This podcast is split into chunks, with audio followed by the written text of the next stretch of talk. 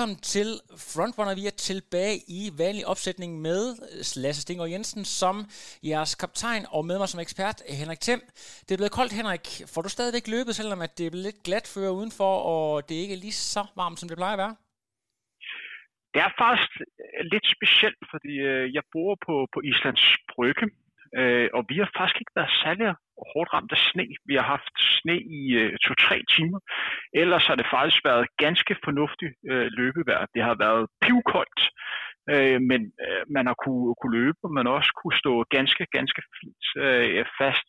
Øh, I går bevægede jeg mig til min gamle hud, øh, bagsvær, og der lå sne i skovene, så det var sådan meget anderledes lige at tage togene og så øh, og, og tage 15 km nordpå, og så var der, så var der sne. Øh, men ellers har jeg ikke haft øh, nogen problemer. Det er i hvert fald ikke derfor, at jeg ikke har været ude og, og løbe så meget, som, som jeg gerne ville. Det er simpelthen, fordi jeg har haft drønhammerne travlt. Ja, og når du snakker om travlt, så øh, har jeg lagt mærke til, Henrik, at du har startet et nyt podcast-projekt, som selvfølgelig også kører her på Frontrunner, men øh, ret nytænkende. Jeg har i hvert fald ikke set noget øh, tilsvarende tidligere, hvor du faktisk inkorporerer løbeprogrammer altså auditivt, så man, man, man, man simpelthen får programmet, mens man løber. Altså, hvad, har du spist øh, svampe, eller hvordan har du fået den her vanvittige idé? Er det, hvordan har du kommet på det? Det er da, det er da genialt. Ja, øh, det synes jeg da også, det er. Altså, øh, først og fremmest er det jo et produkt, som, når, ikke er tiltænkt øh, til den direkte målgruppe af frontrunner, men forhåbentlig kan dem, som der lytter til frontrunner, se, at det her kunne være et rigtig godt koncept og anbefale videre til folk, de kender, der gerne vil i gang med at løbe. Konceptet går ud på, at øh, vi skal i gang med at folk øh, have i gang med at løbe øh, 5 km, og så er programmet, det hjælper dem simpelthen med at træne op mod 5 km. Så øh, det antal minutter, en podcast varer, det antal minutter, du skal, du skal træne. Øh, og så, det ellers, så får man gode råd undervejs af undertegnet og andre førende øh, løbeeksperter. Og så har jeg også snakket med rigtig mange personer, som på en eller anden måde har en fascinerende historie, som man kan bruge øh, i forhold til at kunne blive motiveret og til at blive, blive klogere. Det kan fx være øh, Pia Olsen Dyr, som er formand for SF, som fortæller om, hvordan hun træffer politiske beslutninger, når hun er ude at løbe, og hvordan det er helt afgørende, øh, for hende at komme ud og løbe for at finde overskud. Så kan det være en, øh, en, en tidligere eliteløber som Martin Parkhøj, som fortæller om tilbage i, i 2003-2004, der vejede han altså tæt på 100 øh, kilo og havde en BMI tæt på 30, og så startede han altså med at løbe. Og på det tidspunkt så gik han 30 sekunder og løb øh, 30 sekunder, og fire år senere så stod han altså som dansmester på, øh, på maraton. Så kan det være en chefkok som Rasmus Kofod, om hvordan han kommer på gode i forhold til at kunne udvide hans øh, Caranium-restaurant, når han er ude at løbe, og hvor meget det sådan, øh, giver ham. Jeg synes, det er meget fascinerende at snakke om den her glæde og kærlighed til, til løbesporten. Men jeg må sige, at jeg er kommet voldsomt på arbejde med at sidde og redigere de her, de her udsendelser her, og øh, sidde og til at time, så et klip bare i præcis det antal minutter, de skal, øh, de skal løbe. Så øh, jeg har pænt travlt den her tid, men det er spændende. Super, super spændende, Henrik. Jeg håber, at det er noget, som folk derude vil tage, tage vel imod, og, og at det, hele frontrunner kommer lidt bredere ud, fordi som du siger, det er jo ikke måske henvendt til, til øh, eliteløberne, eller dem, der sådan er vokset op med, med, med løbet i det hele taget? Nej, men altså, det er et koncept, som i princippet er rettet mod folk, som er i gang med at finde kærligheden til, til løbesporten, eller som øh, folk, som har dyrket andre former for idræt, som har problemer med at komme ud og være aktiv i, i den her tid. Så på, og det er jo det, som, som løbesporten kan. Øh, det er, at det kan, det kan rumme øh, stort set alle. Og lige nu her, der er det rigtig vigtigt, at man husker at være aktiv, og man husker at komme udenfor.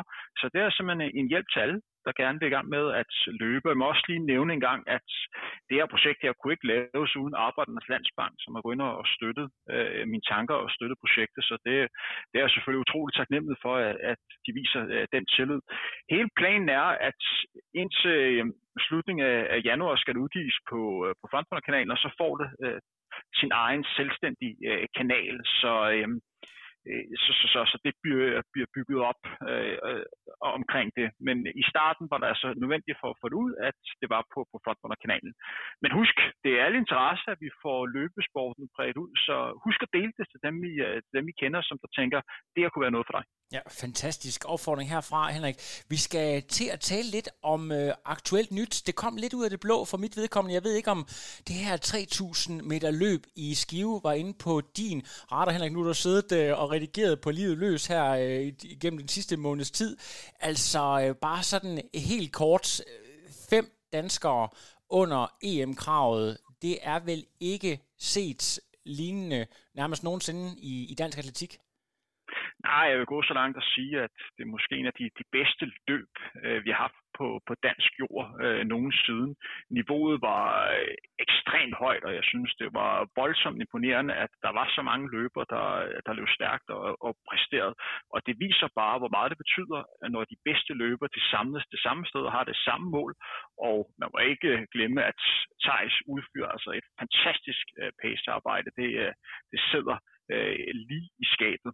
Og lige nu her, der ligger vi altså, øh, altså vi har to løber, som ligger nummer 1 og 2 i verden. Altså sæsonen er ikke så langt nu, der er jo kun 18 dage i, ja. i 2021, og så mange løber, der heller ikke bliver afviklet, fordi vi har en, en corona, som vi nok også kommer ind på, som, som stadigvæk desværre haver. Men altså, vi har jo to løber, øh, Joel og Axel, der ligger nummer 1 og 2 i verden i 20-klassen, og nummer 3 har så det 8-24. Det er, altså, det er jo hvad er det, det er næsten 200 meter, han er efter, så det er, altså, det, er voldsomt godt. Og så ligger vi altså 6, 7, 8, 9 og 11 øh, på verdensranglisten for senior med, med de tider øh, lige nu her. Øh, det er det er rigtig, rigtig flot og øh, meget, meget imponerende. Men hvor godt er det at løbe under øh, 8 på, øh, på 3000 meter? Det er jo en tid, som nogenlunde svarer til at løbe øh, omkring 14 på, på en 5000 meter. Men det er bare svært at løbe stærkt indendørs, fordi det kræver en anderledes form for træning. Du skal ligge og træne meget kvalitet på et tidspunkt, hvor det, hvor det er svært at løbe de her, øh, de her hurtige kilometer. Og det er også derfor, at så mange er der heller ikke, der løber under 8 igennem tiderne, især ikke indendørs. Øh, jeg var inde og kigge på altiders øh, rangliste, og der kan jeg se, at de danske løber nu ligger sådan over henholdsvis 3, 4, 5, 6 og 8. Så det viser bare, at det her, det var altså et, et uhørt højt niveau. Jamen, det er, øh, det er Måns Guldberg, der har rekorden, ikke? Bare lige for en god ordens skyld. Ved, hvad, hvad er han nede på, bare hvis øh, vi kan sammenligne det? Øh, jeg mener, han har løbet 7.41. Og det var altså en løber, som blev nummer 5 til Europamesterskabet på, øh, på 3.000 meter. Eller verdensmesterskabet var det faktisk. Så, øh, altså, så han har været god inden, og så kommer Robert K., som har løbet 7.51. Og så kommer altså løberne øh, derefter. Så, så det er, øh, det er flot. Det er, det er helt flot. Der er folk, der nævner øh, de her Europarekorder. Joel er et sekund fra Jakob Ingebrigtsens øh, U17-rekord. Hvad fortæller det os? Det fortæller, at øh, Joel er et uhørt øh, stort talent og går en stor fremtid i møde, hvis han undgår øh, de store øh, skadesproblemer og generelt holder, holder sig motiveret og får bygget det fornuftigt øh, op. Men vi skal også lige nævne, at der bliver faktisk sat øh, europæisk rekord her, fordi løberen, som er 10 måneder yngre, øh, nemlig Axel Bang, han sætter jo øh, europæisk øh, 16-års rekord. Det er jo en rekord, som tidligere var på 8.04, som er sat tilbage i 1976. Og den tid slår han altså. Øh, jeg vil sige, hvis jeg skulle give en fedusbamse for, for løbet i lørdags, og der tager udgangspunkt i niveau før løbet og alder, så vil den gå til Axel Wang fordi at løbe under 8 som, som 16-årig med, med de tider, han mødte op i, det var meget, meget imponerende. Vil Men du, jo, det er også fantastisk. Vil du Ingen sige, Henrik, hvis, hvis der skal sidde folk, der sidder og følger lidt med på, på de sociale medier, der sidder og ser de her tider, hvor, hvor mange steder i verden øh, er det noget, man drejer nakken efter? Er det i hele Europa, eller er det i hele verden, at det her det rent faktisk er en sensation, at vi har en 16-årig, der løber i den her tid? Øh, det er nok hele verden, ja. fordi det hører, til, det hører til sjældenhederne, at der er øh, to løber, som er 16 og 17 år, der, øh, der løber så øh, hurtigt. Altså, øh, og, og, og lige nu her øh, giver det ekstra større, hvad kan man sige, øh, øh, opmærksomhed, fordi der ikke er så sindssygt mange andre løb. Altså, så, så, så det er noget, der be, øh, altså, det er noget, man vil lægge mærke til, også i USA. Øh, men altså, der er rigtig mange der er ikke rigtig mange, men der er en del afrikanske løbere, som ligger og løber det, det samme, men måske ikke har løbet så meget indendørs på, på 3000 meter distancen. Det er jo typisk sådan, at øh, de afrikanske løbere, øh, konkurrerer meget udendørs, og så konkurrerer de indendørs, men der har de en, der skal, har de en, en vis alder, før de begynder at, at konkurrere indendørs. Så det skal man også lige have med i overvejelsen, men det er flot. Det er rigtig flot. Jeg har siddet og set løbet nu syv gange. Ja. Øh, så, og jeg har prøvet at lægge mærke til øh, taktiske detaljer, og hvordan de har, sådan, har, har løbet løbet. Og hvis man går ind og kigger på, på vinderen, øh, Michael øh, Jonsen, han møder altså op med en personlig rekord på 3.38 på, på 1500 meter. Han har ikke løbet rigtig noget på, øh, på en 5.000 meter distance, men jeg tror, han har en god femmer øh, gemt i sig. Han løber et taktisk rigtig, rigtig godt løb. Han ligger så øh, sidst sidste gruppen og bruger ikke særlig mange kræfter, og det er først inde på de sidste øh, 200 meter, hvor han øh, virkelig sætter, sætter tempo på. Og der må man bare sige, at der har han altså en slutspurt, som er eminent, hvilken helt sikkert skyldes hans gode 1500 meter. Øh, jeg har ikke set øh, Michael Jonsen løbe på, på den måde før. Det minder meget om hans træner, Vort Munkholm, hvordan han løb, øh, løbende tidligere. Så jeg synes, det var rigtig, rigtig flot taktisk løbet af Michael Jonsen, og en flot tid, det her 7, 56, 53. Igen, øh, tiden svarer nogenlunde til, hvad han har løbet på, på en 1500 meter. Måske også endda en lille smule dårligere. Det er jo godt tyde på, at han har endnu mere i, i tanken. Jakob Dybdal, der kommer, kommer lige efter, det er en løber, som har personlige rekorder på 13.52 på 5.000 meter, som er tilbage for 2016, og så har han løbet 8.34 på forandringen. Han ligger også øh, godt i feltet, ligger lidt tilbage. Han går så øh, frem og nærmer sig teten, da der mangler sådan 3-4 omgange, og man kan se øh, på, at man er sådan lidt usikker på, hvad han skal gøre. Han ligger så lidt ude i yderbanen. Det er Jol, der, der er fremme og trækker på det tidspunkt, og øh, altså, der ville jeg måske ønske for, for hans vedkommende, at han var lidt mere sådan, øh, beslutsom, når han vælger at gå frem og så siger, okay, når jeg går frem, øh, så tager jeg teten, eller så lægger jeg mig helt ind på, øh, på savn, for han kommer til at ligge og, og bruge lidt energi øh, der. Men det er jo også samtidig en løbetype, som jeg rigtig godt kan lide, for der er meget den der impulse løber, der løber meget på sin øh, instinkt. Og det bliver spændende at se, hvad han kommer til at drive den i, øh, i resten af sæsonen. Der er et OL-krav på, på 60.000 forhindring, som hedder 8.23, som begynder øh, at virke realistisk for ham. Så har vi, så har vi Jol. Øh, vi har nævnt ham ganske kort, før han er kun øh, 17 år. Han var nok den eneste løber før løbet, hvor jeg var sikker på, at han løber under 8 øh, i dag. Og han ender altså med at løbe 57-34 det er sådan, at øh, da Haren øh, Thijs udgår efter 1800 meter, efter han har gjort sit arbejde perfekt, så er det Jol, der går, går frem og trækker. Og han trækker faktisk de, de næste øh, ja, 800.000 meter. Og, og det koster kræfter. Det koster kræfter på det tidspunkt at gå frem og, og tage teten. Jeg tror, øh, Jol var blevet et eller to, hvis han ikke var gået, øh, gået frem på det tidspunkt. Men om de så var kommet under 8 minutter, øh, det, er, det kan jeg ikke svare på. Så øh, Joel er med til at gøre, at de kommer, kommer under 8, fordi han går frem øh, på det rigtige tidspunkt, og der hvor at det begynder at blive, øh, blive hårdt. Men det koster ham øh, en placering, eller øh, måske to, når han vælger at gå frem på, på den måde. Og så er der Mikkel Dahl, som løber 7, øh, 57 og kommer blandt det lidt utaknemmelige fjerde plads. Øh, jeg synes også, at, øh, at øh, Mikkel på en eller anden måde øh, løber sådan og sætter sig mellem to stole. Han løber lidt afvendt, men samtidig vil han også gerne lidt frem og, og, og præge løbet. Og til sidst, da der mangler sådan øh, de her 6-8 meter, øh, kan man virke på, man er usikker på, hvad han skal gøre. Skal han gå frem og sætte tempoet yderligere op, eller skal han holde sig tilbage og så køre øh, og satse på hans, på hans afslutning? Og der vil jeg næsten ønske for ham, at han bare var resolut og sige, nu gør jeg det her. Fordi det, der sker, det er, at han hverken gør det ene eller andet, og på de sidste 200 meter, der er han altså bare op mod en løber som øh, Michael Jonsen, der har løbet, løbet taktisk perfekt, og så vil han tabe jump øh, der.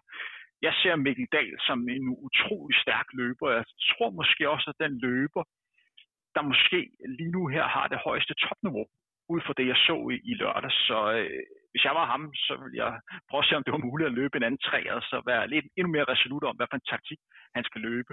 Og så har vi så øh, Axel Wang, øh, 16 år, 7.59.30 øh, 30 møder altså op inden løbet med en går på 14.06 på 5.000 meter og 9.08 på, på 3.000 forandring. Og det at løbe under 8 øh, nu her i den alder, øh, voldsomt imponerende. Også et perfekt løb for ham. Han, han, han hænger bare på hele vejen igennem, og så taber han sådan lidt på de sidste 500 meter, men taber ikke mere, end han er stadig kommet under 8. Rigtig flot løbet af Axel, og han kunne ikke have gjort det anderledes.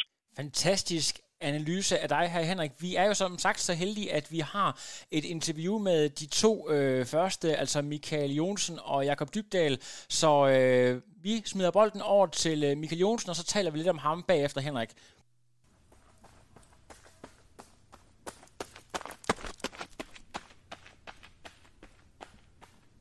Michael, du laver en genkomst her på Frontrunner, fordi du lige har lavet et formidabelt løb. Der var øh, simpelthen samlet nogle af Danmarks bedste løbere til øh, 3000 meter attack i Skive indendørs. Men Michael, det var jo faktisk ikke meningen, du skulle have deltaget. Nej, jeg skulle have løbet i Dortmund i, i stedet for i Tyskland, men det, det måtte jeg så ikke på grund af, at de har jo, ja, på grund af corona, og de har de regler med, at de ikke må have internationale atleter med dernede lige nu. Så håber jeg, det bliver ændret senere, men det var lidt mindre stævne, men alligevel det stævne, hvor de har sat op til en tysker, der skulle løbe under, under EM-kravet. Så jeg håber lidt, at jeg kunne komme med der jo, løbe 1500 meter og, og lidt få en gratis billet den vej igennem. Ja. Men altså, sådan skulle det ikke gå. Hvordan, så hopper jeg med her i stedet for. Hvor sent blev den her øh, plan lagt op? Øh, altså, er det inden for den sidste uge, eller har du vist det et lille stykke ja, tid? Ja, det her det er fordi, det er det med mig og Christian øh, Ulberg, vi skulle have været til, til Portugal i Montecarlo, og hvad hedder det, det er jo efter fredag, hvor den kom pressemeddelelse kom med, at, at alle landene det blev ja, rødt, at man ikke skulle rejse, så tænkte vi nok, det var smartest ikke lige at tage ned selvom man gerne vil lidt væk, så var nok bedst at blive hjemme. Øh, og så måtte jeg jo lave noget andet, og så kom John, vores nye AGF, træner, han kom jo og sagde, at der var et stævn i Dortmund. Øh, det er ikke noget for mig. Og så sagde jeg, jo, det synes jeg da, det var. Øh, og så får jeg vide dagen efter, så er det også, så er det også aflyst. Det kom med, kun tyske atleter. Jeg tænker, nå, jamen, så hopper vi med skive i stedet for at løbe der. Ja, og øh, det så jo øh, ganske forrygende ud. Vi skal tale lidt mere om det her med den risiko, der altid vil være med at stille op, fordi det her med sådan 7-8 mand, der står under hinanden lige i nakken, det, det er jo, det er jo ja, noget, der er potentielt. Så, så det skal vi lige tale om, øh, om det er noget, du har tænkt over. Ja. Men, men lad os lige i første omgang, øh, det taktiske oplæg fra Morten Munkholm, kan du ikke lige, øh, for nu er jo i overstået, så kan du godt løfte lidt af, af sløret for, hvad, hvad I egentlig havde jo. af planer? Jo, men jeg havde egentlig planer om, at øh, at jeg ikke skulle lave det store arbejde i dag, at jeg egentlig bare skulle hænge på feltet, og så øh, havde jeg egentlig bare planer om, at jeg skulle rykke til sidst og, og se, hvad der var at skyde med. Øh, fordi nu, nu har jeg jo, jeg har jo kender godt lidt til 3000 meter, så jeg kan løbe, men jeg har været her et par gange i år. Nu er det jo rart nok at prøve at løbe sin egen chance. Ja. Fordi, og, ja, fuldt egentlig lidt det, vi også uh, har snakket kort om, at jamen, jeg hænger bare på, så øh, må vi se, hvordan det går til sidst. Og jeg synes egentlig, jeg havde det ret godt. Jeg, jeg fik lidt dårlig samvittighed. Jeg tænkte, jeg godt kunne have hjulpet, hjulpet lidt før. Men øh, jeg tænkte også, nej, ved du hvad, nu, øh, nu holder vi den bare, og så, så ser vi, hvordan øh, det kører til sidst. Og med 22 meter havde jeg det okay, og tænkte, jeg kunne godt have gået op, men jeg synes også, at tempoet var okay højt, så der var ingen grund til at gå op og, og lave noget arbejde der. Nu prøver jeg bare at holde den ind øh, til mit kick til sidst. Og så øh, med 300 meter igen, kunne jeg godt mærke, at jeg vidste, jeg vidste i hvert fald, at de andre skulle løbe hurtigt, hvis de skulle slå mig, fordi jeg vidste godt, at jeg havde en del at skyde med der. Så der føler jeg bare, at jeg begynder at trykke og, og holder mig til helt fremme, og så de sidste 100 meter, der trykker jeg bare helt imod, føler jeg. Altså, så så jeg er sikker på, at jeg vinder. Da, da, da du går op, altså du er jo et, hvis man har set det inde på øh, den video, som er inde på Dansk Atletik, du er et kæmpe smil, du løber med kæmpe selvtillid. Altså det, ja. det ser ud som, du nærmest ikke kan være i din egen krop, de andre de bider tænderne sammen, og du har bare det her, altså det går jo fuldstændig som om, at det her løb var, var designet til, øh, til Michael Jonsen. Er, er du enig i ja, det? det? det må jeg nok indrømme, det bliver det nok også lidt, fordi at at, at jeg føler, at jeg har overskud til sidst. Jeg tænker bare, at altså, de skal, de skal løbe stærkt, de andre, hvis de skal, de skal slå mig. Fordi øh, det, når man har så meget selvtillid, som vi også lige har lige nu, fordi man kommer ud fra en udendørssæson, øh, og det er gået godt. Og så når man kommer fra en udendørssæson, der bare er gået så godt, så selvfølgelig så er det selvtilliden, den er der. Og jeg tænker bare, jamen, det, det kører det her, og 300 meter igen, jeg holder mig til, og så giver jeg bare alt, hvad jeg har de sidste, fordi jeg har jo lært af erfaring, at der er så meget henne på de sidste ja, 3, 2 og 100 meter. Altså, det, man kan, man kan tage mere, end man kan vinde næsten nogle gange der, fordi at du, du, løber du igen, løber du sidste 3 eller 400 meter hjem, løber du hurtigt nok hjem, jamen så kan du hente meget af løbet der. Der er så forskel på at løbe 64 de sidste 400 meter, eller der er forskel på at løbe 58, 59 eller 57, den skyld. Altså, der er en kæmpe forskel. Det er alligevel mange sekunder. Øh, det er værd at have noget at skyde med og gemme noget, synes jeg. Det, det, det har jeg da lært. Så i dag, der handlede det egentlig bare om, øh, at jeg ligesom også skulle vise over mig selv, at jeg godt kunne løbe andet end 1500 meter. Jeg havde også ligesom behov for at vise, at jeg kan godt løbe længere distancer. Altså, for indtil videre, det er det jo i dag, jeg kunne have gået haft mit gennembrud på 1500 meter, men det kan jeg også godt. Øh, og det er også vigtigt for mig jo, altså at sige, at jamen, jeg er også med der i toppen blandt alle andre, når det gælder øh, andre distancer. Det kan jeg godt, og det, det giver også en utrolig dejlig tro på det og selvtillid. Det bygger bare videre et rigtig fint statement, du får lavet der, men altså, vi, er, vi har en helt unik situation. Der er mange, der taler om, at det er nok første gang i øh, dansk atletiks historie, at vi sådan i et rent dansk løb har altså fem mand under EM-kravet ja. på 8.00.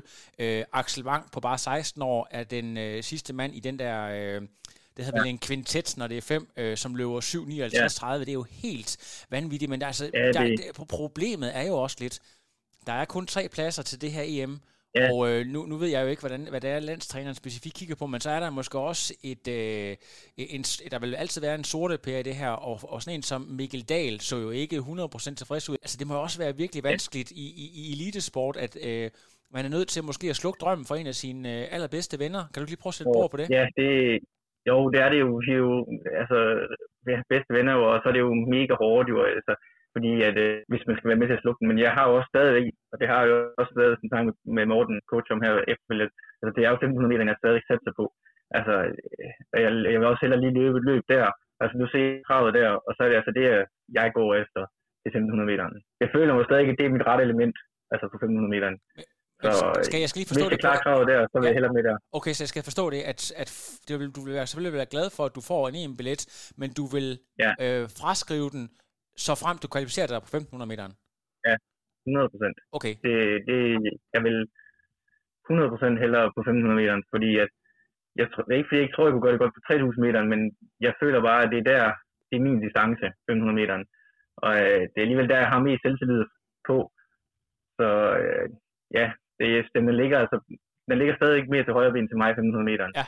end, øh, end 3000. Og jeg, altså, synes også, øh, uden man skal passe på at træde nogle af tæerne, men så synes jeg, at min 1500 meter tid, selvom det er udendørs, den er bedre end min 3000 meter tid. Ja. Altså 338, altså, det, det synes jeg er bedre. Så ja, det er det 100% den. Det er også den, vi træner efter. Så det giver jo mest mening. Altså, så ja. Hvis nu, at det, du får lov til at løbe, som du gerne vil, hvad er så, øh, ja. altså hvornår er det meningen, du skal forsøge at kvalificere dig til, øh, til det her EM? Jamen, øh, vi har et løb, vi laver i Randers den 26. januar, og så har vi jo nogle løb den 2. februar i, øh, i udlandet, og igen den 7. Øh, faktisk i Dortmund, 7. februar i Dortmund. Øh, lidt større stævne, så vi håber, de får lov at blive, og får lov at stå lige nu, som de ser nu, så, så står de. Så altså, jeg har da lidt flere chancer også på 1500 meter der, hvis corona tillader det. Ja, altså, så du har altså, så, vi, vi skal lige have med for alle lytterne her, at EM inde, det er altså den 5. til 7. marts i Polen. Så du vil, øh, ja, ja. du har et, et par chancer her, og det bedste det vil selvfølgelig være, hvis du næler den i, i første hug. Kan du fortælle en lille bitte smule om jeres setup i Randers? Det er jo også der, hvor, hvor kan man sige, jeres uh, træningsgruppe har jeres base, kvæg at Morten Munkholm jo bor i ja. Randers. Har han været med inde over det her? Hvad, hvad er det for et setup, I kommer til at lave der? Altså lige nu, der er det Jul øh, og Morten, der har. Morten starter de første 600, og så kommer jul og tager over til, til 1200. Og så har vi, jeg ved ikke, hvor mange der er med, men altså indtil videre, så er det jo mig, Mikkel, UH, tror Nick, han løber med os. Jeg ved faktisk ikke, jeg er ikke helt sikker på, hvor mange ellers der skal løbe. Altså, men det, alle er jo selvfølgelig velkommen til, til så mange, det vi tillader, og corona tillader jo. Ja. Jeg er i hvert fald sikker på, de fire, vi stiller op, og så ved jeg faktisk ikke lige, jo, Frost hvis nok også, hvis han er klar for resten, stiller nok også op. Men han var lidt småskadet jo i dag, men øh, ellers så stiller han også op. Jeg skal lige høre, betyder det noget for dig, når man konkurrerer med så høj intensitet at løbe på hjemmebane? Du er selv opvokset i, i Randers, og jamen, altså, det er jo din hjemmebane. Betyder det noget for dig? Ja. Og altså, tror du, at du kan hive nogle ekstra procenter ud, fordi at det er i Randers? Ja, det, det, det håber jeg da, jeg kan. Ja. Jeg føler, det er lidt min hjemmebane. Ja. Det gør jeg, øh, når vi løber der. Øh, man føler sig lidt mere tryg på en eller anden måde, øh, end man måske gør andre steder. Så det, det føler jeg, eller det tror jeg da, jeg kan. Øh, så ja, det, det, det, det vil jeg sige, det giver på procenter. Og det er en lille fordel for mig. I, forhold til den generelle forberedelse og den sidste måneds tid under det her relativt hårde lockdown, du er jo øh, du arbejder øh, sådan half and half og studerer, så jeg går ud fra, at øh, ja. det har du ikke kun, så der, der har må i hvert fald været mere tid til i hvert fald restitution og fokus på træning. Er det korrekt? Ja, jo, det, er der, det har der været, fordi man kan sige, at, at når jeg studerer, så har det jo været, øh, været hjemme på grund af online undervisning. Så øh, der kan man jo ligge derhjemme og, og studere. Så øh, ja, der har været mere tid til restauration. Det er da også, øh, det er da også dejligt. altså, det har der, hvis man skal sige nogle ting, der er god ved corona, så det har der det, at man har, at man har det lidt mere tid til derhjemme og restaurere. Det er jo en vigtig del af det også, at man øh, er 100% klar til hver træning. At man, øh, øh fordi det er jo ikke en enkelt træning, det er alle træninger, der er vigtige. Ja. Øh, så øh, det er jo vigtigt, at man også er, er 100% det her træning. Altså, der er en forskel på at komme møde op og være 90% det kan man godt gøre en enkelt gang eller noget, synes jeg, men, men man skal da formå at forsøge at være, være hele tiden være 100% til de vigtige træningspas. Det er jo det, der er vigtigt, at uh, man gør det der. Hvis man bare hele tiden er 90% til hver træningspas, så er du også 90% ude til konkurrencerne. Ja, ja. Det, det har da sin fordel. Det er der ingen tvivl om. Har du nogen data, impuls, tider eller bare noget feedback fra, fra Morten eller nogle af de andre, du træner med UH og, og Mikkel, øh, der, der, der, ja, kan, der, der, der, kan vise, at, at, du rent, at du rent faktisk har haft en positiv, eller bare sådan, hvad du egentlig kan mærke, når du står op om morgenen, er du mere frisk, fordi du ikke skal i de ja, ting, du plejer? Men øh, jeg kan godt mærke, at man, man er mere frisk hos de her dage, hvor, man, hvor der har været online undervisning generelt, så har man jo lige haft øh, mindre ting at se til, så har man mere overskud egentlig. Ja i hverdagen. Og det, det, det er også vigtigt i træning, altså, fordi man kender godt det der, hvis man har haft en lang dag, og, og så skal ud og lave en hård træning. Men, man, jeg kan godt, så kan man godt gå og være lidt irriteret over selv, fordi hvis jeg ikke sover ordentligt natten eller et eller andet, fordi at, så er man ikke 100%, og det er ikke det, jeg gerne vil fremstå. Jeg vil gerne, når jeg er til træning og sammen med mor, hvad det, UH og Mikkel, så, så skal man være der også til at hjælpe de andre igennem træningspasset, så man tager sin tørn. Det, det, det er vigtigt. Altså, det er utrolig vigtigt, at, at også ikke, ikke kun at UH er der, eller Mikkel er der, men det er utrolig vigtigt, at vi alle sammen er 100% på svidt muligt, så vi hjælper hinanden bedst af det. Det føler også, vi gør godt, altså, så man kommer bedre, så vi kommer bedre form, og, og vi bliver bedre løber alle sammen, og det, det synes jeg, det kører godt. Altså, jeg synes, vi rykker hinandens grænser jo. Altså, jeg kan jo se, at jeg også bliver, min puls den bliver lavere, og på det der tærskel, vi kører og sådan noget, og jeg, jeg løber hurtigere, så det, det ser jo godt ud i forhold til, hvad man kan se for sidste år. Ja. Jeg lagde mærke til, at I, jeg tror, det var i starten af december, det vil sige for godt og vel øh, små to måneder siden, og I begyndte at lave øh, bakkeintervaller og så videre, begyndte sådan virkelig at træne øh, til sæsonen. Hvad, har I ligget og lavet noget specifik indetræning, eller er det stadigvæk meget sådan intensiv bakkeintervaller? Hvor, hvor ligger I hen lige nu? Eller er det mere sådan, nu, nu er I ja, tæt på konkurrence, det specifikt? Rent faktisk har vi ikke lavet så meget specifikt. Det her løb, det kom jo sådan lidt ud af, af ingenting. Jeg skulle jo også have været i, på træningslejr med UH, som sagt. Så det, vi har lavet lidt specifikt, men ikke så meget endnu, så jeg føler stadig ikke, der er meget at bygge på, ja. egentlig. Så jeg, jeg så bliver kun se mig selv blive endnu skarpere. Altså, vi har lavet en del uh, tærskel, og det er jo gået godt. Og altså, jeg, jeg føler ikke rigtig, jeg føler ikke rigtig faktisk, at jeg har haft nogle årsdage uh, sådan rigtigt. Det, jeg kan ikke lige komme i tanke om det i hvert fald. Og det er også det er positivt at tænke tilbage på, at, man, at træningen den bare kører godt. Altså, det er jo, det er jo rigtig vigtigt. Det giver også selvtillid til, når man øh, går videre, at, at træningen den kører, altså, så tror man også på det til, til stævne. Det er der, man ligesom høster også selvtilliden i forhold til før konkurrencer. Det er jo igennem træning. Ja, hvad ligger du egentlig på, sådan rent i kilometertal? Det, jeg tror, vi har talt om det før, men det er bare sådan lige, at folk de får ja, fornemmelse af, hvad, hvad, hvad, du ligger på. Efter vinter ligger på 150. Nu begynder vi så at gå lidt nedad 150 km om ugen. Nu kan jeg gå lidt ned af til 120-30, når jeg ligesom også skal begynde at konkurrere. Ja. Og være lidt mere stress. Men ellers så er det sådan 150-60 km om ugen. Øhm, og jeg føler, altså, det er jo en god mængde for mig. Jeg føler godt, at jeg kunne træne mere, men det er der nok heller ikke nogen behov for, har vi, har vi snakket med morgen om. Vi har fået justeret lidt, altså. Jeg kunne nok godt løbe mange flere kilometer, men jeg tror ikke, det vil gavne mig noget. Så. Det vil bare tage, tage noget af din leg speed formentlig. Jeg skal måske lige prøve at spørge om noget lidt andet, og det er hele den her altså konsekvensen af, at, eller risikoen kan man sige, ved at stille op midt i et relativt hårdt lockdown øh, og, og få øh, coronavirus, som jo er træls for alle mennesker, men, men for elite sportsudøvere vil det jo være en potentiel katastrofe, fordi der kan være ja. senfølger og så videre, at du, øh, du kan være jamen altså, ikke i stand til at træne på dit niveau i, i ja, potentielt månedsvis. Hvad har I gjort af overvejelser? Jeg ved, at sådan en som Joel for eksempel har været i... Øh, i Jylland på træningslejr igennem lang tid, så det ikke bare noget med, at I mm. rejser frem og tilbage den samme dag og så videre, og forsøgt måske at lave lidt en boble. Hvad har du, hvad har du gjort der overvejelser der? For ærligt, jeg har ikke gjort mig så mange overvejelser om, hvad der, hvad der skal ske.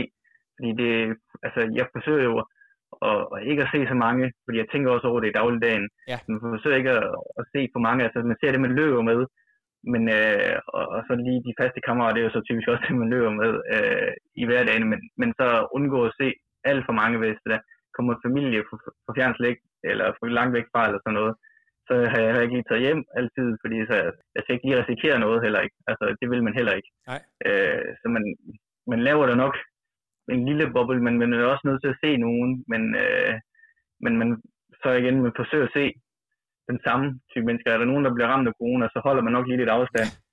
Øh, fordi man vil ikke selv ramme musik, når det kører så godt jo. Så, men øh, ja, man ved, altså det er også svær tid, fordi jeg ved ikke, hvad man, altså hvis man bliver ramt af det, så er der jo ikke så meget at gøre. Så bliver man jo nødt til at tage det tid, det tager.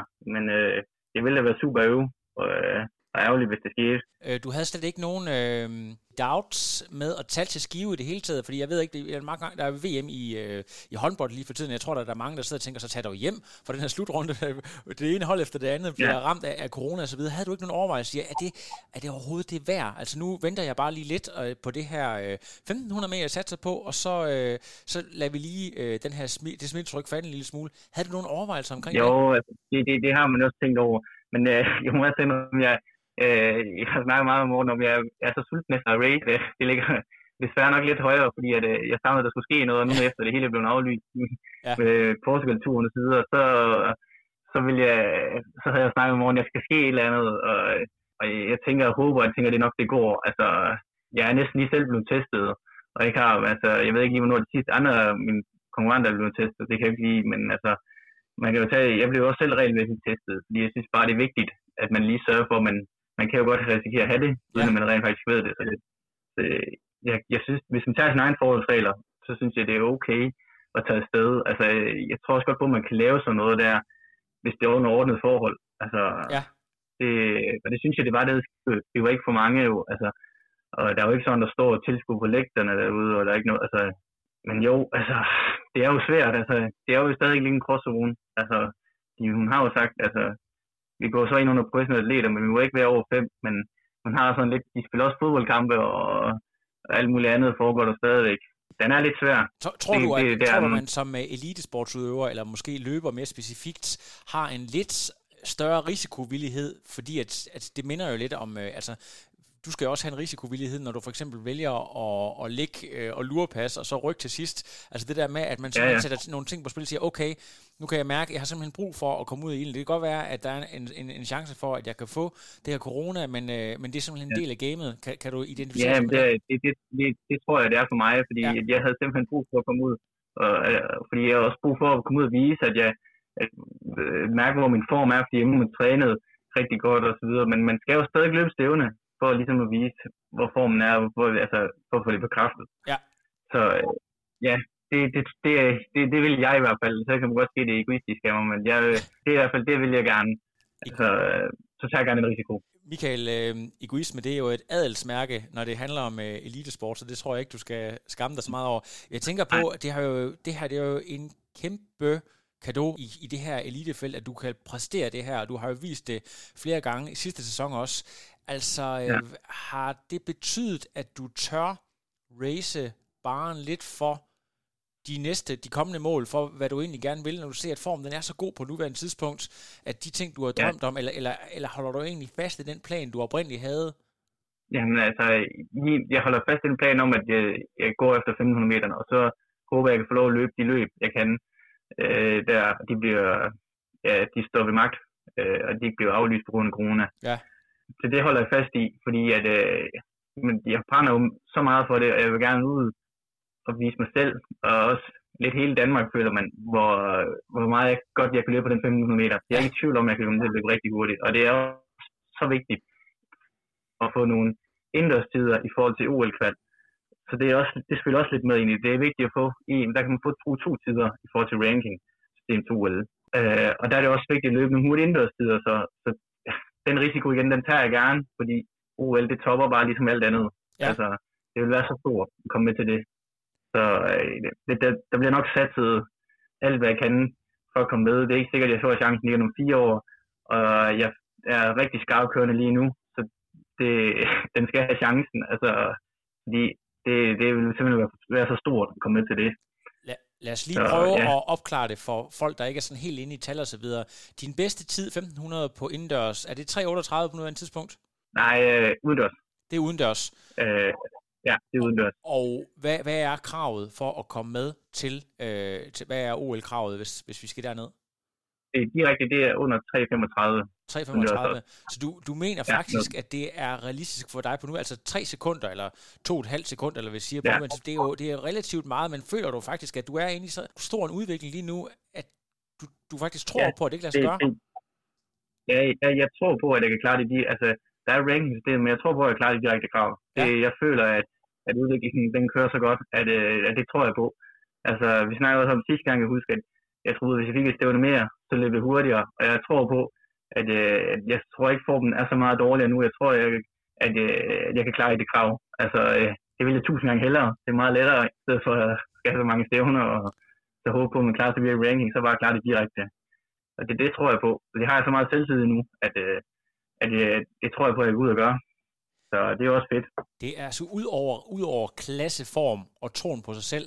Hvad vil det så kræve, hvis du lige kan sige lidt? En, en blanding af, altså en blanding top pace og god væreforhold, et godt felt. Altså det kræver, at, øh, at man kommer ind i et godt felt i udlandet. Altså, øh, så meget man vil, som man gerne vil gøre det i Danmark, så kan det ikke lade sig gøre, fordi at det kræver, at du bliver trukket med rundt. Det har så meget at sige, så det, det kræver, at jeg, jeg forhåbentlig kan løbe godt nok, og så er drømmen lidt, at øh, kan man komme med i Diamond League felt eller et eller andet, så er der gode chancer for, at, at det bliver løbet i hvert fald hurtigt nok, eller det gør det jo, og man så kan bare blive rykket med rundt der. Det er jo lidt håbet og drømmen, at jeg kan løbe en starte sæsonen ud godt, løbe måske 3.36, komme i Diamond League heat, hvis man får, er heldig at få en invitation, og så, så klare kravet der den vej igennem.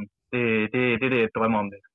Det sidste, jeg lige vil komme ind på her, Michael, det er, at jeg, jeg talte med Laura Valgren øh, sidste år, ja. som nævnte, at når du kommer op på et vist niveau, så er det altså vigtigt at kende nogen, der kender nogen, altså sådan lidt manageragtigt. Ja. Øh, du har jo Morten på ja. sidelinjen, der selv er ja, top erfaren osv.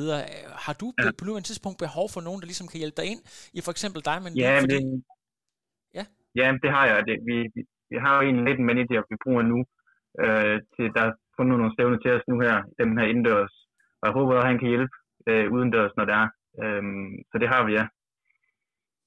Det er, øh, det er helt forrygende at være nået til et niveau, hvor man rent faktisk har brug for en manager. Ja. Så ved man, at man har klaret det, ikke? Ja, ja det ved man. Altså, det er jo, det er jo lækkert. Altså, og det, det, det, er man også rigtig glad for, at man er, ja, det, at det bare kører, og man føler, man, jeg føler, at jeg ikke der er mere at hente, så, og det er jo også bare lækkert. Altså, når man ikke, man, det er jo træls selvfølgelig, man er toppet ja.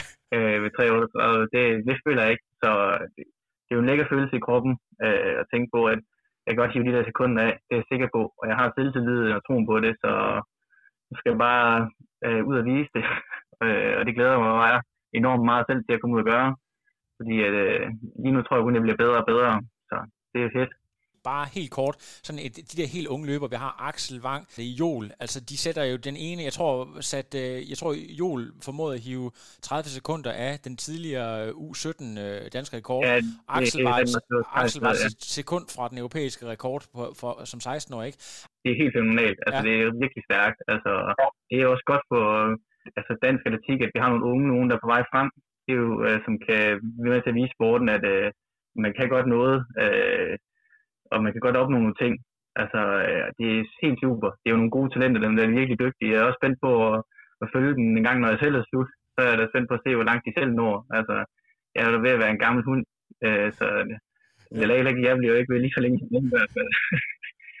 så det, det, det, glæder jeg mig da til at følge. Se, hvor langt de når. Har du også en eller anden tilfredsstillelse i, at du faktisk er med til i og med, at du præger løbet så meget, med til på en eller anden måde at skabe historie. Man sagde, det var den dag, og ja, den dag, det, det, det, det skete. Ja, det er det. Det synes jeg, det er fedt. Altså, det er også fedt nok, at altså, at det, det er fint nok, de, de vinder alt for meget her. De skal, de skal også have lov at kæmpe det. Hvis de, ja. sådan har jeg altid haft det. Det skal ikke, man skal ikke vinde alt for meget når man ung, så får man ikke lyst, så mister man måske sulten. Ja. Så det er fint nok, at de lige får nogle nederlag en gang imellem. Øh, det tror jeg også er vigtigt for en del af deres udvikling. Ja, det tror jeg, du har en rigtig god pointe. Øh, Michael, tusind tak, fordi du lige øh, tog dig tid efter en øh, rigtig spændende dag ja. til at tale med os her på Frontrunner. Ja, og tak, det kommer ud på, jamen, ved du hvad, det er altid velkommen. Er omkring dig. Ja, ja, det skal jeg gøre. Det er godt. Hej. Hej. Vi er tilbage i studiet, og øh, lad os lige prøve at sætte et par ord på, på Michael her. Noget, jeg lægger mærke til interviewet, det er, at han rent faktisk taler om, at han har en lille smule dårlig samvittighed over, at han ikke går frem og, og trækker tidligere, at han simpelthen lurepasser og, og, og, og tager den til sidst. Hvordan kan en øh, eliteløber på nogen måde tænke, kan du, kan du følge ham i, i hans tankegang her? Det virker meget, meget beskeden, synes jeg. han er jo en god dreng og så meget øh, solidarisk og, og tænker lidt over, at han også gerne vil have bidraget øh, til festen. Men altså, jeg synes at han løb på den eneste rigtige måde. Altså, løb handler også om at komme først. Det er derfor, man, man stiller op. Så han løb et, et taktisk perfekt løb. Michael Jonsen har også rigtig, rigtig mange gange ligget og offret sig, ligget og trukket meget. Jeg husker et løb inde på Østerbro Stadion. Det var der, hvor Jol vandt i 1357, og Christoffer Bold også kom under, øh, under 14, og jeg tror også Mikkel Dahl kom under der. Der var det ham, der lå og skabte hele løbet, så han skal da ikke øh, tænke sådan overhovedet. Øh, det, er, øh, det er spillets regler. Øh, så må han bare hjælpe på, på et andet tidspunkt, øh, hvis det er det. Men det er da meget øh, Øh, meget sympatisk, at han tænker sådan. Men som sagt, hans, hans træner Morten Munkholm, kæft, han har løbet mange gange den der mod mig. Men øh, når løbet starter, så øh, kan man glemme ting øh, øh en gang imellem. Jeg har ikke nogen bad feelings mod Morten, fordi det er, øh, det er spillets regler, og jeg kunne bare løbe fra ham, hvis jeg havde benene til. Hvis det er altså en mand fra, fra Randers, en rigtig jyde, vi har her. Vi kan høre, at han oser af selvtillid, og, og, og hvis en jyde øh, sætter så hvad kan man sige, bestandte krav op og taler øh, meget selvsikkert, så ved man altså, at der er øh, noget hold i. Er det, er det simpelthen en øh, ja, kommende OL-deltager, vi har her? Tror du virkelig, at det er muligt for, for Michael at indfri hans, øh, hans store potentiale? Ja, hvorfor ikke? Altså jeg vil sige, for, for et år siden, og jeg, hvis jeg skulle komme der med en brutoliste på, hvem der skulle til OL, så var nok ikke hans navn, der, der stod på den liste, men han har imponeret mig. Altså, og det han viste i, uh, i lørdags var også, var også rigtig, rigtig flot, når han lød stærkt på 15 meter 3.38 at det kan sagtens ske. Altså, øh, det kan det, hvis han får en rigtig god øh, vintersæson og øh, rammer de, de rigtige løb sæson er lidt speciel, fordi det er meget usikkert at sige, hvad kommer den her coronapandemi til at betyde af afvikle konkurrencer, hvad er der krav om i forhold til, til testning, og skal man karantæne øh, før løbet og efterfølgende. Og lige nu her er der også mange lande, hvor man ikke rigtig konkurrerer, fordi øh, det ikke er muligt for folk at konkurrere. Så det hele er lidt mere op for, for grabs, men det eneste, han kan gøre, det er jo at være i den, den bedst mulige form, og så præstere, når han får øh, chancen til det. Øh, og lige nu her ser det, ser det meget øh, positivt ud. Jeg vil nok sige øh, 25% chance for at komme til OL, men det er også højt. Det er relativt højt. Det, det, som øh, adskiller sig lidt i forhold til de andre løber, det er jo, at Michael er relativt ny i sporten. Han har ganske vist både været inde omkring triathlon og spillet fodbold på ret højt niveau, men øh, ligesom en, en Lars Budolfsen tidligere, er han kommet ret sent ind, så øh, Jamen, hvad, hvad, hvad betyder det egentlig? Betyder det, at, at vi kun lige har set toppen af isbjerget, øh, eller hvad fortæller det os egentlig, at han ikke på den måde er flasket op med, med løb og eliteløb? Det kan både være en fordel, og det kan være øh, en ulempe. Hvis du er ind og kigger på dem, der har de danske rekorder, øh, inden for langdistansløb, så er det typisk løber, som er kommet ind relativt sent. En løber som Dennis Jensen, der er dansk rekord på 5.000 meter. Jeg tror først, han startede rigtig med at træne seriøst, da han var i slutningen af, af, 20'erne, så det kan jo, det kan jo sagt lade sig gøre. Men han mangler selvfølgelig øh, hele den her Øh, skoling, mens han er ung i forhold til løbestil, og det tager også tid at bygge en tilpas nok udholdenhed op. Og det ved jeg, at de ligger og har, har fokus på, så han har jo nogle års træning imod sig. Det man også oplever nogle gange for de her løber, der kommer ind i sporten øh, lidt senere, det er, at de mange gange har lidt mere afslappet tilgang til tingene, og lidt mere tager tingene, som det kommer. Og det kan meget vel være en, øh, være en fordel, og noget af det, som hans træningskammerat Mikkel Dahl ikke rigtig har, fordi han er en løber, som øh, tænker meget over, øh, over tingene, som jeg også selv gjorde, da jeg var, da jeg var aktiv. Så på den ene lem øh, mangler han lidt udholdenhedstræning, på en anden øh, måde er han måske mere afslappet end så mange andre. Henrik, du ved selv fra dine aktive dage, der er vel ikke noget farligere end en eliteløber, der har tur i den og masser af selvtillid. Øh, kan det simpelthen være øh, det, der gør, at øh, Michael Jonsen ser ud til at være ustoppelig lige nu, at øh, han har så meget tur i den, og han også har det mentale overtag på de andre? Det betyder meget at have det men, øh, mentale overtag, og det betyder også meget, hvem der kom først i lørdags, fordi øh, det er en, det er en kæmpe fordel at, at vinde. Næste gang de her løber skal ligge og dyste mod hinanden, der er, øh, der er Michael Jonsen foran på point, øh, fordi øh, de andre ved, at han, han tabte, eller de tabte til ham. Øh, så, så, så hvis man kan, så gælder det hele tiden om at prøve at, øh, at bygge på, så man har den her selvtillid, fordi jo mere selvtillid man får ind i kroppen, jo mere tror man på sig selv, og, og, og stærkere er man også. Altså, hvor de løber, som, øh, som tabte og, og tabte til ham i spurten, de skal lige bruge lidt ekstra energi på at komme ovenpå igen, og de næste par dage, rent træningsmæssigt, kan de nemt komme til at lave en fejl, fordi på en eller anden måde er de en lille smule frustreret. Vi skal over og høre fra dagens nummer to, øh, der tabte knepen øh, Jakob Dybdal, så øh, vi kaster simpelthen øh, mikrofonen hele vejen til Staten Allé, eller ind omkring i hvert fald i Aarhus, så øh, here you go, Jakob Dybdal.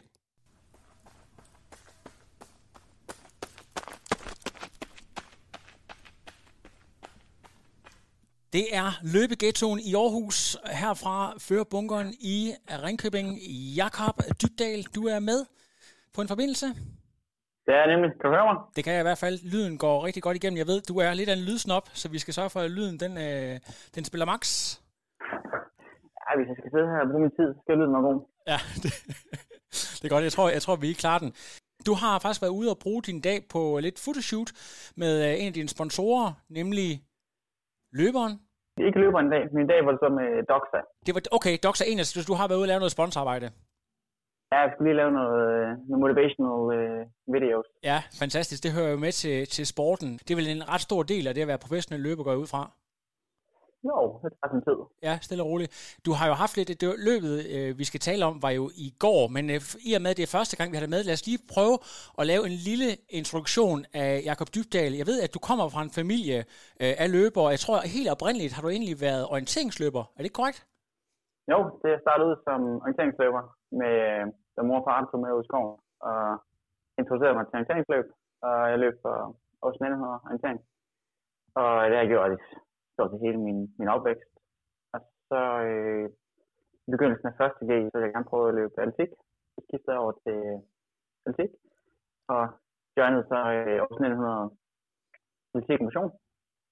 Og ja, så tog det bare fart derfra det der med, at man har sådan en baggrund, hvis sådan, sådan Maja Alm også for eksempel, når, når man har den her øh, lidt specielle baggrund i forhold til de andre, føler du, at det giver dig et eller andet, og i så fald hvad? Øh, jo, det giver mig da en hel del. Altså, jeg har en masse venner fra orienteringsløb, og det er et kæmpe fællesskab den vej. Ja. Og altså, selvfølgelig måske også uh, spare en del skader ved at løbe rundt ud i skoven. Det er ja. mest af min opvækst, i stedet for at løbe rundt på landevejen. Ja. Det kunne måske være en, Ja, jeg har sådan, øh, ikke fordi jeg er verdens største løbenørd, men når jeg, jeg sad og kiggede løbet igennem i går, du giver mig nogle, nogle øh, sådan uh, reminiscens af sådan en type som Morten Munkholm. Du virker meget, meget elegant i din stil. Så det er noget, der kommer derfra. Er der nogen, der har lavet den sammenligning med dig før? Også uh, Munkholm, der også tidligere har repræsenteret 1900. Ej, de plejer at sammenligne mig med Kipketer, men Munkholm ja. også god. Tæt på. øh, nej, jeg har ikke, jeg har ikke sammenlignet med Munkholm før, men øh, Niels Kim Hjort, som er the champ inden for Mellemlang, ja. han synes, at jeg, han synes, at jeg havde en, en, en, en pæn løbestil. Ja. Så. Det, der er nogen, der har det. Det, det er helt forrygende. Nu kan jeg lige kigge på din Facebook i forhold til din, øh, din tidligere PR på 3000 meter. Er det korrekt forstået, at du hiver over et halvt minut af din personlige rekord ved, ved løbet i Skive? Ah, det var så vel. Mere det 12 sekunder. 12 sekunder, okay. Så det er alligevel en, en massiv forbedring. Ja, det er kanon. Ja, og, og hvad var egentlig, og jeg, jeg har jo også haft uh, Michael Jonsen på og, og spurgt ind til hans taktiske oplæg. Uh, det må være Nils Kim Hjort, som, uh, som uh, du har været i uh, på taktikbord med. Hvad var planen før I gik ind til, uh, til konkurrencen her? Ah, der var ikke meget taktik med Nils Kim Hjort. Uh, det er jo træner. Jeg blev trænet af, af Lars B. Laust selvfølgelig, ja. Og hvad, uh, hvad, hvad sagde Laust? Ja, men altså, det er jo ikke, øh, vi er lidt småskadet jo, efter øh, den periode med Achillesens skade. Ja. Så vi har ikke lavet så meget øh, den vej. Vi havde lige nogle, øh, nogle 7 gange 600 og en 2000 meter test, som indikerede, at vi var faktisk i okay form. Ja. Så det handlede meget om at, at hænge på de gode løber, og så se, hvad der skete. Ja. Og hvis, man, hvis vi lige går igennem, altså det ser ud som om, at det er et waiting game, waiting game, du venter og venter og venter, og så på et tidspunkt, så går du altså op og tager teten fra, fra Jol og forsøger at sætte højt tempo. Er det, når du sådan sidder efter rationaliserer nu, det er jo altid nemt at være bagklog, går du for, går du for sent op, eller, eller føler du egentlig, at du spiller din kort fuldstændig, som, som du skal? Jo, altså, jeg ved, jeg er op imod øh, Mikkel Dahl, som er rimelig skarp til at lukke af. Ja. Øhm, plejer han også at være jo. Og jo, kan jeg også godt spurgte. Jeg har så måske lige øh, glemt Michael Jonsen i går. Ja. Han var skismen stærk. Øh, men jo, analyserer bagefter. Altså, jeg tog teten med 400, 350 meter igen. Og jeg holder den også øh, med 100 meter igen. 75 meter igen. Hvor Michael Jonsen så går forbi. Ja. Hvis jeg gerne vil have slået Michael Jonsen, så ved jeg sgu ikke, altså. Manden er rimelig skrab på tiden. Ja. Måske 600 igen. Men altså, det gik jo meget godt. Du ser ud som om, at du var ovenud lykkelig. Altså det der med sådan første og anden pladser, det, det betød ikke rigtig noget. Du, du klarer, øh, ja formentlig, nu er det jo op til landstræneren, men du klarer EM-kravet, laver en markant personlig rekord osv. Hvad, hvad har du gjort der af tanker efterfølgende? Det kan være, at jeg allerede har noget at snakke lidt om det. Sådan, øh, sådan din analyse af, af hele forløbet, og hvor du er lige nu. Og jeg var rimelig, rimelig op at køre løbet i går, fordi at, ja. øh, det hele det der build-up til det, altså i og med, at jeg var skadet og kom så hurtigt, og jeg leverede varen i går. Mm. Herregud, at med B2 det ja. et, altså, der var ingen præmie alligevel. Ja. Hvis vi alle sammen skal det, jamen, så er det det, det handler om. Ja, lige præcis. Og er du, jeg ved, at, at flere af de øh, andre har været på camps og så videre. Er du en af dem, der har, der har været med sammen med, med Thijs? Jeg ved, der, der er lavet lidt øh, jydecamp. Øh, er, du, er du en af dem, eller det ved du også, øh, jeg har en, en familie, der skal passe, så jeg ved ikke, om du, øh, du har kunnet afse tid til at lave sådan en helt specifik camp op til det her løb? Vi havde jo en stor plan om, vi skulle til Kenya eller Sydafrika og ja, Frankrig var også oppe at vende. Men øh, så kom corona. Ja. Så vi tog en, en, en lille camp i Klitmøller med, med Thijs og Devet, som også løb i år. Øh, der har ikke været noget build-up på den måde, så den har, den har stået på træning i Aarhus på, på bånd og i, i skoven. Så bare sådan en good old fashion. Synes, føler du også, det kan et eller andet, det der med, at, at øh, ja, sådan træne på den old school måde, i stedet for at rende rundt i højden nede i, i ten, eller hvad det hedder? Altså, det er bestemt fedt at løbe rundt og kende bjerge, men altså, så kan vi old fashion og, og gøre det i Aarhus. Det er ja. også fint. Ja, det ser også ud som om, at der er, altså, der er en god forståelse og et godt kammeratskab. Der er ikke sådan decideret, altså I, I er gode til at hjælpe hinanden. Selvfølgelig vil man gerne slå kammeraterne, men, øh, men altså, det ser ud som om, at der er en virkelig god dynamik. Øhm, altså, hvis du lige skal sætte et par ord på de andres øh, præstationer, du, der er et par meget unge mænd, der laver sådan helt forrygende resultater, sådan noget, vi snakker sådan nærmest Europa-rekord og så videre i forhold til U16-tider og sådan nogle ting. Kan du lige sætte et par ord på det? Jo, man kan nok nævne Axel Bang, som uh, leverede varen om nogen i går. Ja.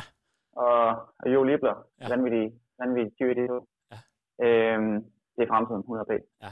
Øh, jeg skal bare nævne uh, Master Bet, der, der har jo kommet også fra orienteringsløb. Ja. Og han om nogen, han leverer også varen i går. Det var ja. 0-10. Øh, ja, Michael Jonsen. Det hele spillet var i går for alle. Ja.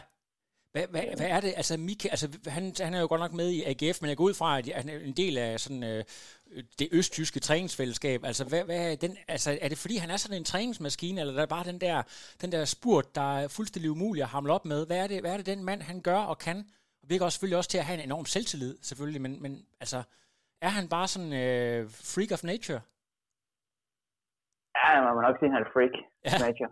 Altså, jeg ved ikke, hvor det kommer fra. Altså, han, han træner også stjerner meget. Det ja. man.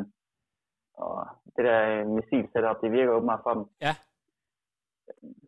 Det er stor respekt. Altså, det er en måde at lukke ned på, det er fornemt.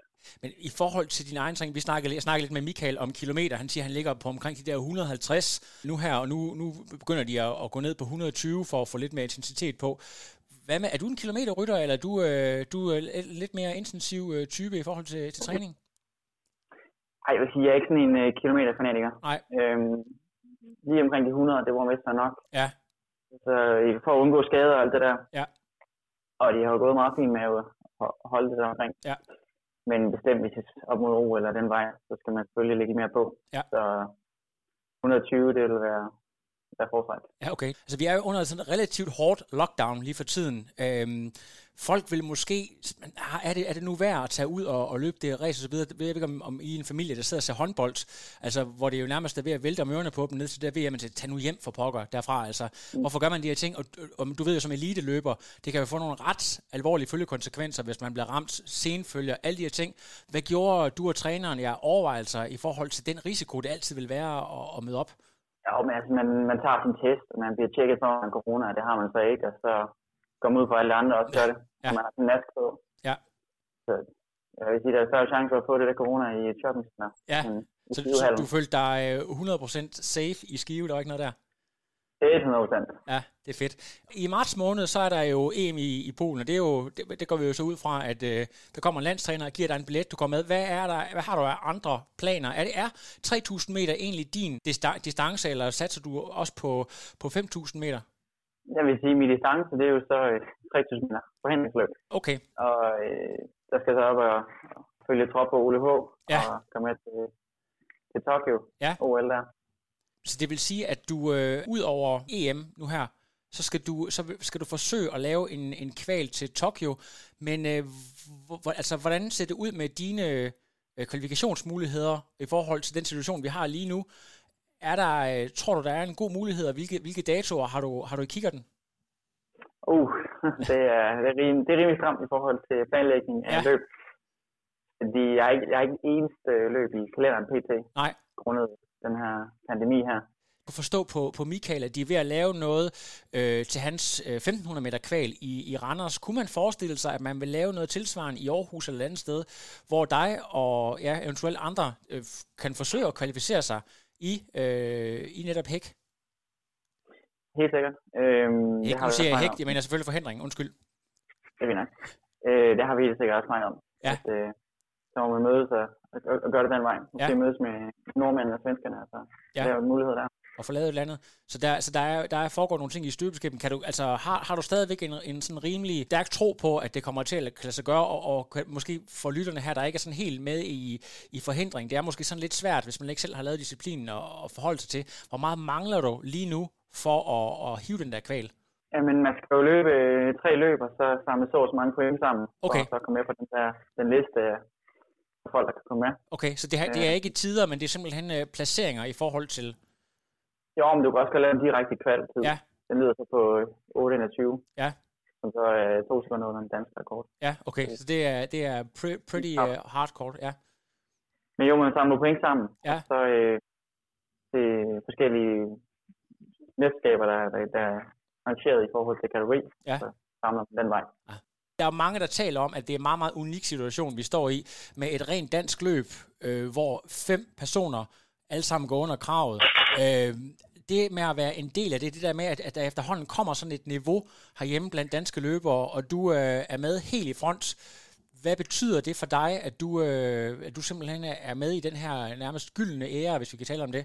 Jeg synes, det er fuldstændig vanvittigt, at vi, vi formår at gøre sammen. At ja. Vi laver det her vilde mellemlang setup, og vi laver et, et, et så vildt løb reelt set.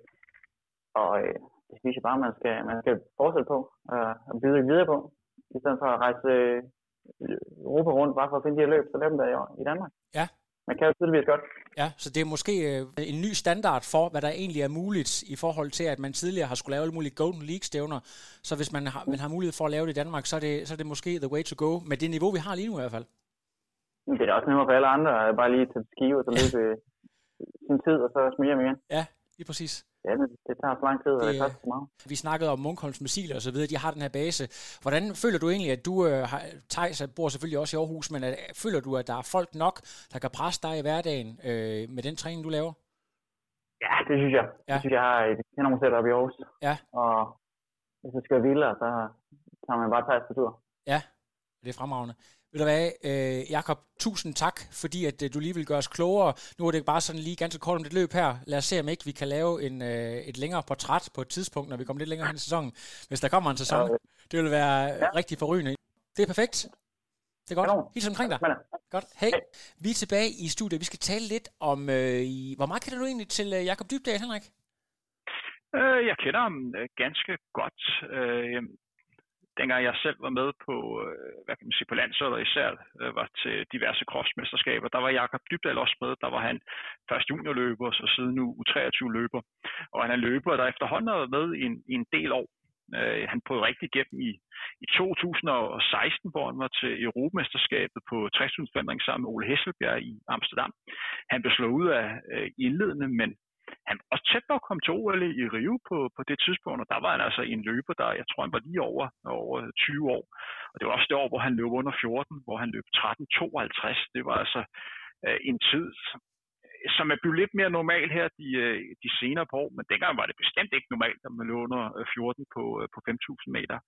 Han er også en løber, som har fascineret mig lidt, fordi han løber meget på, øh, øh, på det impulsive. Det er i hvert fald sådan, han virker over øh, for mig, og det kan jeg sgu meget godt lide, at man lidt tager løbet, som, øh, som de kommer. Øh, det er også en løber, hvor jeg er lidt usikker på, hvor, hvor stort talent han egentlig er. Han har jo gode gener. Hans mor er jo Lone øh, Dybdal, som også er tidligere eliteløber har løbet 2.39 på maraton og øh, 34 på, øh, på en 10 km. Øh, han er også tidligere orienteringsløber, øh, Jakob Dybdal. Øh, han er en løber, hvor det, det virker lidt som om, han ikke ramt sit, øh, sit topniveau øh, endnu, men hvor stort er topniveauet? Kan han løbe under 28 på forandring? Øh, måske, øh, måske ikke. Altså, det bliver, det bliver spændende at se. Jeg har lidt svært ved helt at placere topniveauet for ham folk, der ikke er vant til at beskæftige sig med atletik, så kan det måske være lidt svært at sætte sig ind i det her med forhindring. Jeg ved, inden for triathlonsporten, der kommer der en del atleter ind, som tidligere i deres øh, college-dage har, har netop øh, dyrket forhindring, som er ret stort i USA blandt andet. Øh, man taler om, at det er nogen, der har en særlig toughness, kan, kan man se, at der ligger et eller andet, når han for eksempel løber en 3000 meter, den måde han løber på, eller, eller er der overhovedet noget øh, hold i det? Det, der kendetegner folk, som er gode til 60 forventning, øh, det er, at de er rigtig gode til at håndtere de her temposkift, der ja. kommer undervejs. Øh, og det er jo en, en kæmpe fordel i løbet, man er god til at kunne, øh, at kunne klare, når tempoet kører op og ned. Og det gør det typisk i, i mesterskabsløb, hvor der vil være lidt ujævnt tempo undervejs. Og det er det, man træner, det er det, man skal god til, når man løber forandring. Og det er også det, der gør, at han har kapacitet til at løbe rigtig godt i sådan noget som cross, der også handler meget om temposkift, når man løber opad eller nedad man glemmer lidt nogle gange herhjemme og generelt i atletikken, øh, hvor, hvor højt niveauet er blandt de bedste danske løber på, på 3000 øh, forhindring. Øh, Ole Hesselbjerg for eksempel, som er den bedste danske forhindringsløber, i hvert fald på papiret lige nu rent PR-mæssigt, han løb de her 8.23 sidste år og det gjorde han i øh, et Diamond League-stævn i, i Monaco. Og det var ubetinget det, det bedste resultat, øh, en dansk løber øh, lavede sidste år. Men alligevel fik det slet ikke samme opmærksomhed, som det for eksempel gjorde, da øh, Thijs løb øh, 2.10 57 på maraton, eller da Abdi løb 2.11.03, eller en sågar, da, øh, da Jol øh, løb under 14, eller nogle af de andre øh, gjorde. Og det viser bare, hvor, hvor svært det er helt at finde ud af, øh, hvor, hvor hurtigt det reelt er på, på 3000 forandring. Men det er, øh, altså vi har to løber nu her, som har et, et rigtig, rigtig højt niveau på, øh, på hindring. Og øh, man plejer normalt at sige, med en god teknik, så smider man 25 til, øh, til 30 sekunder, og nu løber man altså øh, 7.56, så det begynder at nærme sig, at øh, OL-kravet øh, er inden for sigt. Ja, jeg synes, jeg tror, Jakob udtalte, at den øh, OL-kravet er cirka to sekunder under den danske rekord. Så øh, det, er, øh, det er relativt hurtigt, men det kan godt være, at det, det faktisk er realistisk. Og hvis jeg skal give procent, øh, nu gav jeg øh, Michael Jonsen øh, 25 procent. Han er så, han skal ligge og kvalificere sig på en distance, hvor, hvor det er rigtig, rigtig toft at komme med. 1500 meter. Det er altså en voldsom hård distance at kvalificere sig på, fordi der er så sindssygt mange løber, som løber stærkt på, på den distance. Øh, altså, det går så langt at sige, jeg vil give Jakob Dybdal 45 procent. Det vil jeg tro. Fedt. Altså tæt på 50-50. Der er en lille ting, jeg lagde mærke til, hvis vi sammenholder de to interviews her, hvor det ser ud som om, at Michael Jonsen og hans team, de har en rimelig klar plan for, hvad der skal ske. De har en backup-plan, øh, de kan løbe øh, lokalt og så videre. Så ser det ud som om, at øh, Jakob lige nu ikke rigtig ved, altså hvad der kommer til at ske i forhold til hele coronasituationen. De har også talt om, at måske vil man lave et eller andet i Aarhus øh, i forhold til kvalifikation. Den her uklarhed, kan du lige prøve at sætte på på det, Henrik? Hvad, hvad kan det komme til at betyde i den sidste ende? Det mest frustrerende øh, som atlet er jo, at man ikke rigtig ved, hvad, hvad næste skridt er. Og det er jo rigtig vigtigt sådan rent træning, hvis man hele tiden ved, hvad det er, man øh, træner op imod, og man har, øh, man har fokus på. Øh, så vil jeg da kraftigt anbefale, at Jakob Dybdal tager en snak med sin træner og sit bagland, og, og lige på en eller anden måde laver en plan, så han ved, hvad han arbejder hen imod. Men det fungerer jo også i øjeblikket. Han løber jo, løber jo rigtig stærkt, og så skal man så også lige sige, at det er altså en, en rigtig, rigtig svær situation, øh, vi er i øh, lige nu her. Og vi kan jo også komme ind øh, med en snak om, at man ental skulle have afviklet løbet i, øh, i lørdags. Det, det har jeg også nogle, nogle holdninger til. Øh, men for langt de fleste atleter er der altså øh, rigtig godt med, øh, med en plan. Ja, det kan, altså, vi kan jo faktisk egentlig godt uh, tage den med, Henrik, uh, fordi at det er også noget, at jeg spørger begge lidt om, at det ser ud som om, at de rent faktisk uh, ikke har været i tvivl. Der har ikke været nogen af dem, der har rystet på hånden. Er du uh, lidt overrasket over, at uh, man har den risikovillighed, når vi ved, altså hvilke konsekvenser det kan have? Uh, nu er det altid nemt for os at sidde her i, i, i hvad kan vi jo ikke uh, aktive længere, uh, du ikke, og jeg uh, har aldrig været. Uh, altså, hvad, hvad, hvad tænker du om, uh, at de ikke er uh, overhovedet nervøse for at, at gamble med deres helbred? Øh, det kommer sådan set ikke bag på mig, fordi det regner jeg også med, at de vil, øh, de vil svare. Det skal ikke lyde sådan, at vi ikke ønsker det bedste øh, for løberne, og jeg håber virkelig, at der kommer, kommer flere stævner, og jeg håber, at alle atleter får mulighed for at kunne dyrke deres sport og vise deres øh, niveau. Det, der bare er tilfældet lige nu her, det er, at vi er altså i en, en pandemi, øh, hvor der er en stor risiko for at blive, blive smittet. Og når man vælger at stille op øh, til løb, som man øh, gjorde i, i lørdag, så udsætter man sig også selv for en eller anden form for, for smitterisiko. Øh, det, man skal være, det, man skal være klar over her, det er, at jeg vægter allerhøjest også højere end sportsligt niveau atleternes sikkerhed. Øh, og, og jeg er lidt ked af, at der ikke var et krav om tests et krav om, at man sådan kunne fremstå, altså øh, jeg har ikke øh, corona. Så kan man selvfølgelig øh, sige, ja, men det er, det er, jo, øh, det er jo folk på, på topplan. Ja, men øh, folk på absolut topplan kan også blive ramt af øh, corona. Jeg har set flere eksempler på atleter, som har været i, i super god form, og som har fået øh, corona. Det gælder om at beskytte hinanden og øh, beskytte andre. Og her der er løbesporten lidt anderledes, end for eksempel man kigger på fodbold og håndbold, hvor man bliver testet øh, jævnligt. Det gør du altså ikke helt på, på samme måde. Det er ting, der koster penge, og, og det er en, en lidt større ressource, som skal til, til, til rådighed her. Og øh, det man bare skal være klar over, det er, at det kræver kun én, som har været øh, altså, øh, som har været positiv, så sætter det en spiral i gang, der gør, at de andre løber øh, først og fremmest skal de testes, skal de skal testes to, øh, to gange, og skal holde sig isoleret over en periode, før de må, må træne igen.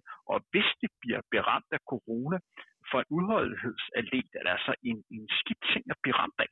Altså, Øh, det kan være noget, som først og fremmest, så skal de lige komme ovenpå igen. Nogle bliver hårdere ramt end andre, men det kan, altså, det kan sætte sig på, på lungesystemet og tage flere måneder, før du kommer ovenpå igen, og på samme niveau, som, øh, som du var før. Så hvis du kan undgå at blive syg, så skal man gøre alt, øh, hvad man kommer til. Og jeg kan også sige med sikkert, hvad jeg kender til i forhold til idrætspolitik, det er, at hvis der, hvis der er en eller flere, som har været, som har været positiv her, så er jeg bekymret for, om man får lov til at afvikle sådan en stævne igen. Og, og det er jo det, alle gerne vil have, det er, at man får afviklet de her stævner, så man får nogle gode resultater.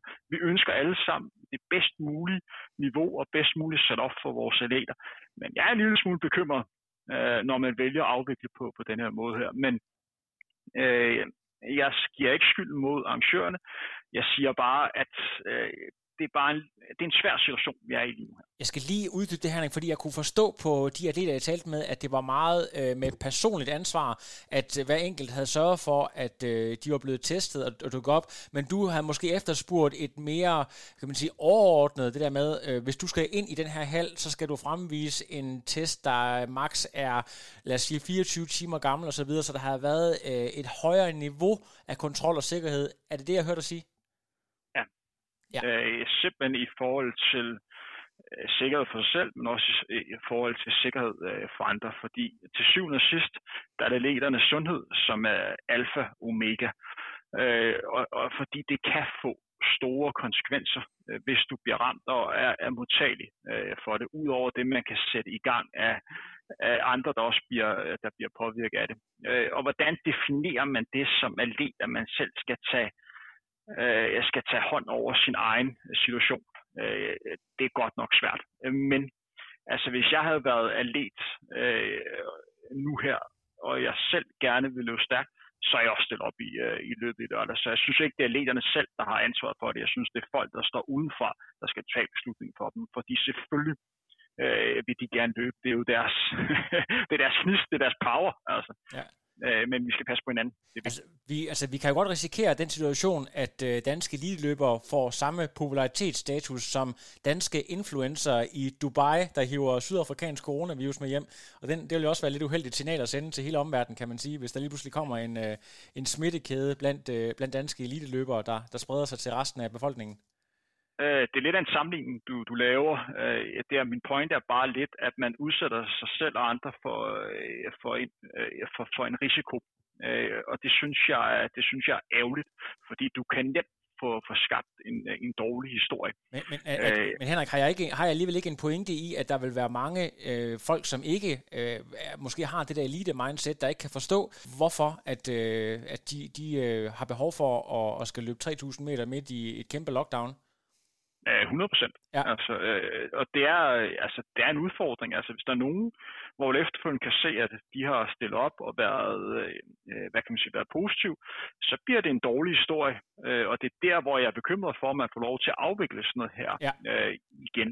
Fordi øh, lige nu her, så kan man, man har en lidt øh, flydende definition, der er, at så længe du er blandt de bedste i Danmark til din sport, så gælder den her øh, maksgrænse på 5-1. Øh, og så kan man selvfølgelig snakke om øh, undervejs, at øh, at man skal passe på hinanden. Men jeg har også været løber, jeg har også løbet det plan, og tro mig, når de, de her løbere kommer i mål, og de alle sammen løber under 8 minutter, der er sgu ikke nogen, der tænker på corona her. Nej. Altså det der bare at juble sammen med hinanden, og, og hvis der er nogen, der gerne vil give en knus, så giver man knuser, og altså man udsætter sig selv for, øh, hvad kan man sige, for en risiko. Ja, det er et stort dilemma, øh, og, og godt vi lige får det vendt, fordi der er nok også mange, der, der har tænkt over det. Jeg skal lige øh, her til allersidst høre, har du på nuværende tidspunkt øh, et overblik over øh, løbskalenderen? Er der nogen løb ude i den store hvide verden i Europa, eller øh, tæt på os, der øh, bliver afviklet, eller alting lagt døde, så langt et øjet rækker, Henrik? Jeg synes, det er svært at danne sig et øh, overblik, fordi langt de fleste løb, som, som dukker op, er, er løb, som ikke er registreret øh, nogen steder. Altså, jeg kan se, at øh, man i, i Afrika, hvor man ikke er så hårdt ramt af, af, af corona, som man for eksempel er i Europa, der er der lige nu her været første jagttagelsesløb på, øh, på 10.000 meter i Etiopien i forhold til, øh, i forhold til OL. Og hvorfor er det interessant? Jo, det er interessant, fordi den kommende olympiske mester måske er med i det løb. Øh, og der var jo tider allerede her, hvor du ligger og løber, øh, løber 27 minutter, og endda flere, der ligger og løber, øh, løber stærkt. Så det er jo første signal om, hvem er det, man skal regne med her i 2021-sæsonen. Og hvis vi kigger frem i forhold til øh, indendørssæsonen, lige nu her øh, ser det ud som om, at der skal afvikles Europamesterskab i starten af marts øh, i Polen. Det håber vi alle sammen. Men jeg kan da godt være lidt bekymret for, om vi får et, et Europamesterskab. Jeg ved, at øh, Joel har også en plan om, at han skal løbe en 3000 meter i Frankrig om 12 dages tid. Men da jeg har snakket med ham øh, efter løbet, der er han lidt også usikker på, om det her løb egentlig bliver afviklet, og er det muligt for ham at komme, komme derned, fordi at øh, det er bare bøvlet Øh, lige nu her, så, som let at rejse ned, og øh, altså, de kan sagtens dernede, som arrangørerne som siger, for at komme ind, så er der et krav om, at du, du skal testes jævnligt, og, og efterfølgende kan også være en form for karantæne, man skal, øh, man skal igennem, så altså, det er en svær proces, det er det bare lige nu her. Og så skal vi det er svært at danne overblik. Og så skal vi måske også lige nævne, at Rune Bækgaard og Simon Holbæk har faktisk har fået en start i Schweiz øh, i et ret stærkt felt, hvor jeg tror, den, den hurtigste løber har en så god øh, PR som 2.08, så det kunne også blive interessant, så fremt at det er muligt at afvikle det. Jeg tror, det er om 9-10 uger. Øhm, så det, øh, det, det, det er måske også lige værd at få med. Jeg ved ikke, om du har et par du vil sætte på det, øh, Henrik? Nå, men det bliver, da, det bliver da spændende at se.